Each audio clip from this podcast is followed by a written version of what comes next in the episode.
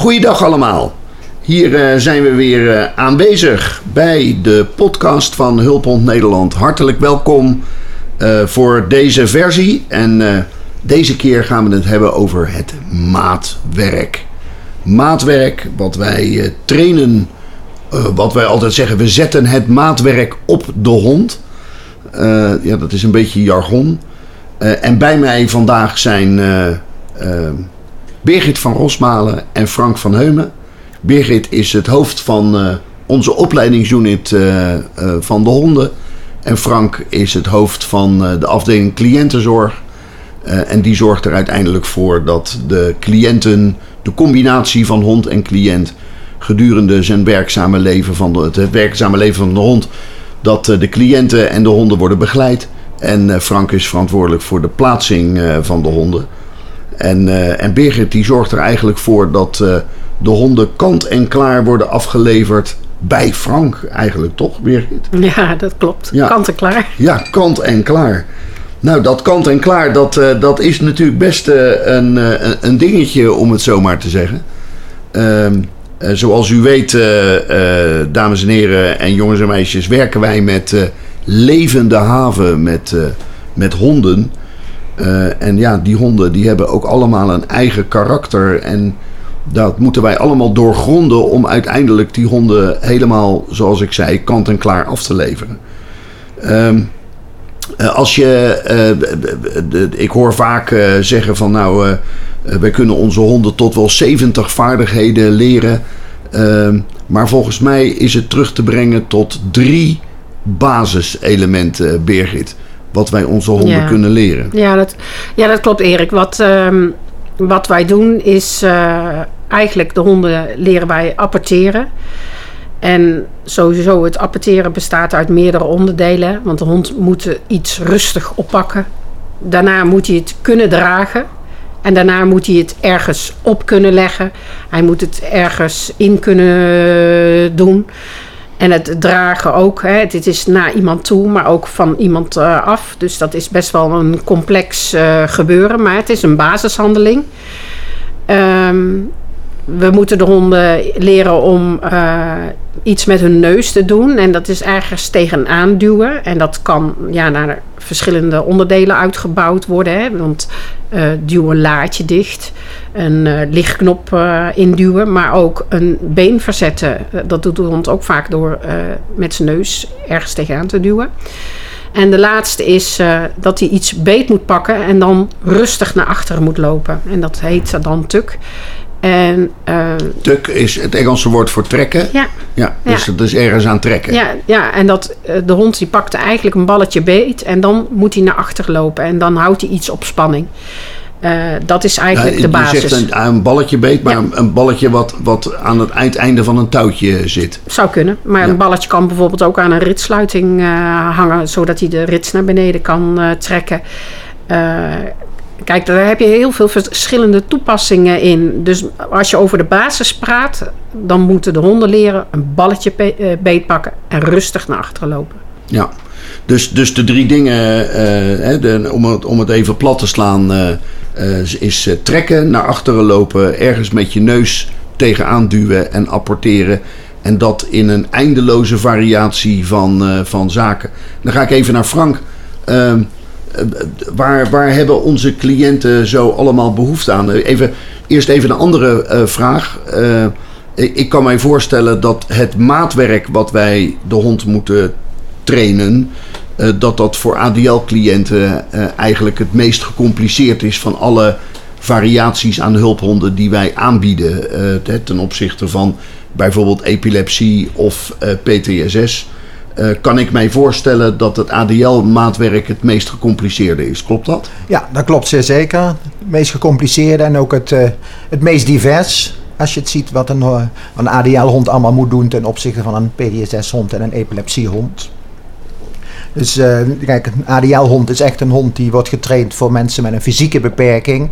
Dus daar, ja, er zijn zoveel handelingen die je daarbij kunt ja, verzinnen, zou ik willen zeggen, die een hond dan voor de cliënt kan gaan doen. Dus dat is echt uh, een heel breed scala. Ja, ja en wat, wat moeten die honden allemaal uh, eh, kunnen in, eh, in zo'n omgeving bij een cliënt om zo'n cliënt goed te kunnen helpen? Wat, eh, eh, neem ons eens mee in, in, in de wereld eh, van, van onze cliënten. Nou, als ik dan eh, begin, in dit geval dan ook weer met de ADL-hond. Nou, het apporteren is net al even genoemd. Dat is denk ik wel het bijna het meest belangrijke wat een hond moet gaan doen voor iedere ADL-cliënt. Vaak het rijken is lastig en, eh, of gewoon ja, ergens gewoon op dat moment echt niet bij kunnen dat de hond het ophaalt en naar de cliënt toe brengt. Dus dat stukje is verschrikkelijk belangrijk. Het eh, letterlijk, eh, letterlijk en figuurlijk eh, het openen en sluiten van, eh, van dingen. Dus kastjes, deuren, laden, zodat een cliënt ook er iets eruit kan pakken. Maar met name ook de deur. Indrukken van knoppen. Denk aan de liftknop. De cliënt kan er misschien niet bij. De hond kan de liftknop indrukken, waardoor de cliënt wel met de lift kan. Iets een, ook een belangrijk onderdeel is kleding. Helpen met kleding uittrekken. Denk daarbij ook bijvoorbeeld aan de jas. Op het moment dat je terugkomt van de wandeling is het wel erg fijn dat de hond kan helpen je jas uit te trekken. En je hoeft niet te wachten op de zorg dat hij Nou ja, Een beetje gekscherend als het een keer regent tijd en heeft. jij zit met je zeiknatte jas in de gang Ja. te wachten, dan Ja. is het natuurlijk een zegen dat je Ja. een hond bij je hebt die dat voor je kan Ja, doen. ja dus eh, ja, dat zijn eigenlijk een beetje de, de basis. En je hebt dan ook nog veel eh, gespecialiseerder. Eh, nou ja, denk er bijvoorbeeld aan een hond die een cliënt kan helpen met omdraaien in bed. Waardoor dus 's nachts de zorg niet hoeft te komen en de hond kan helpen om te draaien. Dus dat, eh, dat is een Dus, heel fijn eh, iets. om, omdraaien in bed, dus dan eh, lig jij op je ene zij en wat, wat, leg eens uit wat er dan gebeurt. Nou, we werken dan meestal, alles is natuurlijk maatwerk, maar het meest gebruikelijke is dat je eigenlijk een soort steeklaken de cliënt onder zich heeft liggen waar de hond aan trekt, waardoor dus de cliënt dus omrolt op de andere zijde. En eh, nou ja, zoals gezegd, dan hoeft de zorg ook niet te komen. Ik heb eens van een cliënt gehoord dat ze het heerlijk vindt dat de hond het doet, los van het feit dat de zorg niet hoeft te komen. Maar als de zorg s'nachts komt, dat ze altijd even een praatje willen maken. Nou, daar sta je helemaal jij- niet... Dan ben jij wakker. Ja, daar sta je helemaal niet voor open. En die hond die draait je keurig om. En je, die kruipt weer terug in zijn mandje. En die slaapt lekker door. En jij kunt ook weer verder slapen. Ja, ja. Nou, dat, is helder, eh, Frank. En, en even terug naar, naar Birgit. Eh, we- wij trainen de honden twee maanden eh, zodra ze hier eh, binnenkomen in ons hondenverblijf. Eh, eh, en dat is een basistraining die iedere hond eh, krijgt. Wat, wat, wat leren wij de honden dan in de basistraining eh, eh, in die eerste twee maanden? Ja, dat is wat ik eh, net zei, het apporteren. Eh, de tuk en de push. Maar voor PTSS eh, is eigenlijk eh, positie eh, belangrijk. Dus de hond leert langdurig eh, naast iemand staan, links, rechts, maar ook voor en achter. Maar ook eh, als mensen natuurlijk eh, naar de hond toe lopen, dan moet de hond blijven staan. Dat is belangrijk. In principe basiswerk voor de PTSS-hond. En voor epile- epilepsie is met name niet zoveel de trucken, maar dan moet hij echt super netjes aan de lijn lopen. Dat is echt heel belangrijk in heel veel verschillende omstandigheden. Eh, dus daar gaan we wel wat meer op pad om te kijken, ja, hoe reageert hij op die prikkels? Eh, want iemand met epilepsie, zijn rompbalans daarin is wat eh, onstabiel. En als die hond hard zou trekken, dan ja, trekt Ja. hij een cliënt uit Ja. de balans. Dat wil je niet. Nee. nee en dan, hè, dus, dus dan eh, hebben we die, die basistraining, dat is wat iedere hond eh, leert. En in die twee maanden dan eh, doen we aan talent scouting volgens mij. Hè? En dan Ja. bepalen onze trainers in combinatie met, met gastgezinbegeleiders. die de hond natuurlijk 16 maanden hebben meegemaakt in het gastgezin. Ja, je neemt dat mee. Ja, dat waar, klopt. Waar, waar is die hond goed in? Hè? Dat, dat is wat jullie dan gaan bepalen. Ja, ja precies. En mm, nogmaals, Erik, dat stukje informatie wat je zegt van de gastgezinnen, dat is uiteraard belangrijk. Want die hond die heeft daar eh, vanaf acht weken tot en met eh, minimaal 16 maanden bij de gastgezinnen gezeten. En dan weet je eigenlijk wel eh, hoe die zich gedraagt, eh, zeg maar. Hè, is het een hond met heel veel energie? Eh, Was die altijd veel energie? Sliep die weinig thuis? Of eh, was het een hond die eigenlijk... eh, ja, heel rustig was en bleef hij makkelijk liggen. Want dat Ja. rustige is eh, bijvoorbeeld voor cliënten met eh, epilepsie wel belangrijk. Dat die hond niet te veel energie heeft. Dat hij ook gewoon ja, zichzelf thuis kan vermaken. Zijn rust eh, Ja. neemt. Ja. Ja. ja, ja, dat is belangrijk. Nou, dan, dan zijn die twee maanden voorbij. Dan uh, vindt uh, vervolgens het moeilijkste proces plaats wat wij bij Hulphond Nederland. Hulphond Nederland hebben. Dat is het matchingsproces.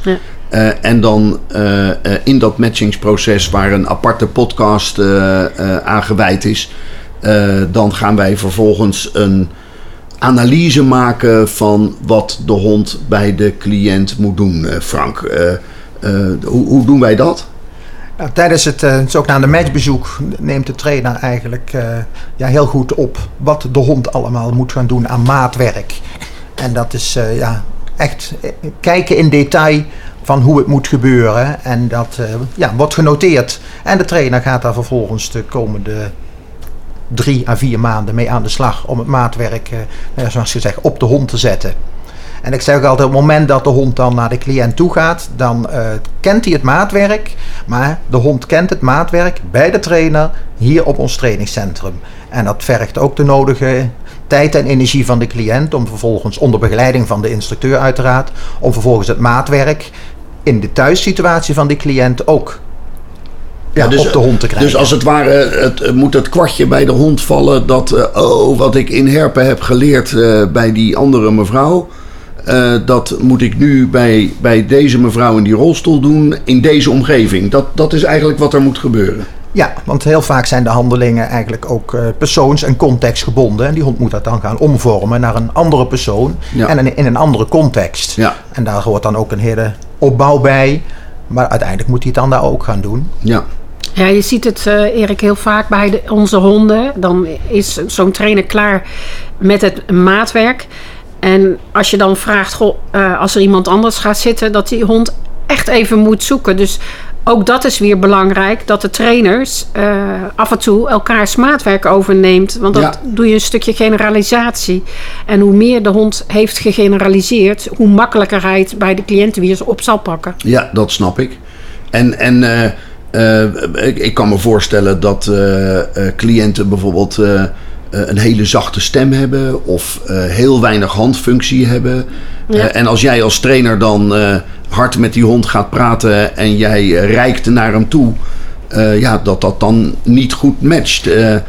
hoe, hoe, hoe goed moeten onze trainers in het acteren zijn? Ja, ja, ik vind het heel goed. En ik vind het. Ehm, een tijdje geleden was Marlies, dat is een van onze trainsters. En er was er een cliënt die gewoon geen goed spraak had. En Marlies heeft gedurende de training altijd een flessendopje in de mond gehad. ja, oh ja? ja, dus kon gewoon niet goed praten. Ja.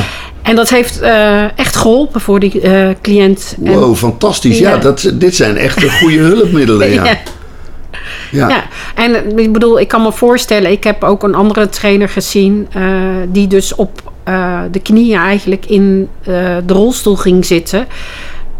Want die cliënt had geen onderbenen. om dat gewoon dat, dat, na te bootsen. Het is belangrijk. Ja, ja. En, en de, zijn we daar een, een, een maand of vier mee bezig om uh, zo, zoals wij dat zeiden, het maatwerk op de hond uh, te zetten. Ja, Erik, er zijn natuurlijk heel veel verschillende uh, type honden, heel veel vraag. En je hebt honden die enorm snel en slim zijn. En je hebt ook wat langzamere honden.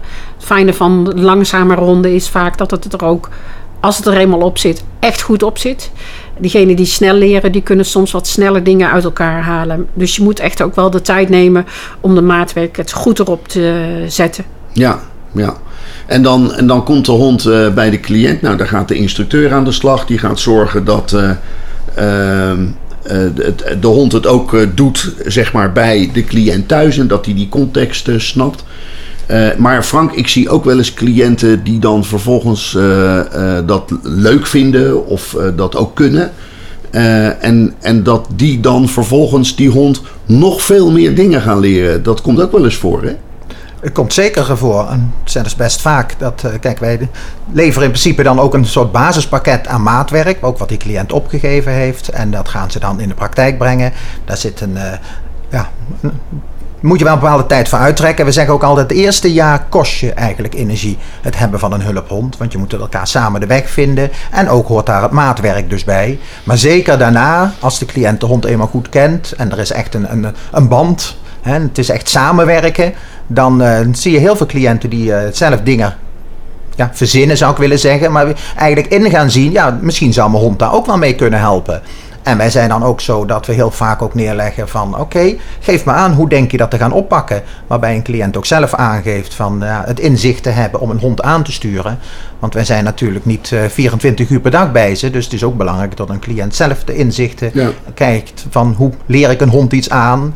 En uh, ja, wat zijn de voorbeelden daarvan? Nou, nou ik, ik, heb, ik heb wel eens uh, een, een uh, situatie gezien waarbij een hond een, een plastic rietje van een drinkpakje aftrok. Ja. Het cellofaantje eraf wist te trekken.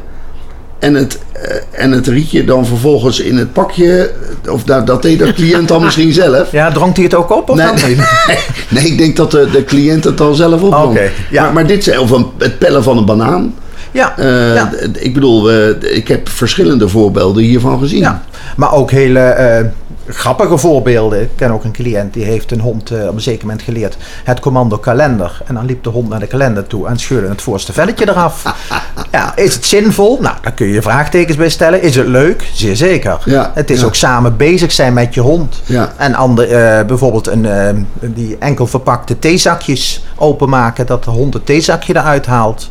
een cliënt die heeft de hond aangeleerd naar het drinken, want die drupte altijd door het hele huis heen even de handdoek te pakken. Nou, vervolgens zit de helft van het water in de handdoek. Hij komt de handdoek afgeven en het huis is droog. Zelf verzonnen, nou, fantastisch. Ja, ja. Ja, en dan wil ik er ook nog één zeggen, want ik vind. Er is een cliënt geweest die uh, had zijn tweede hond, of misschien wel zijn derde, dat weet ik niet. Maar in ieder geval, uh, de oude hond die met pensioen ging, uh, die ging, bleef bij haar. En die werd wat dover. En de cliënt heeft de jonge hond geleerd. Uh, om degene, de oude hond die doof uh, was, met een uh, tuktouwtje die aan zijn halsband hing, terug te halen als die te ver wegliep. oh ja. ja, ja fantastisch. Ja, dat, ja, je staat er dus versteld van wat je de honden allemaal Ja. kunt leren. En ook hoe inventief onze cliënten zijn om, om daar nog verder mee aan de slag te gaan. Ja, zeker. Dus, dus dat, is, dat is fantastisch. Nou, uh, we hebben weer een, uh, een beetje inzicht gekregen in, uh, in het werk van, van Hulphond Nederland. Met name van jullie twee afdelingen, Birgit en Frank. ik wil jullie heel hartelijk bedanken voor deze bijdrage. En dames en heren, jongens en meisjes, dit was weer een podcast van Hulphond Nederland. Deze keer over maatwerk. En wellicht tot een volgende keer. Tot ziens.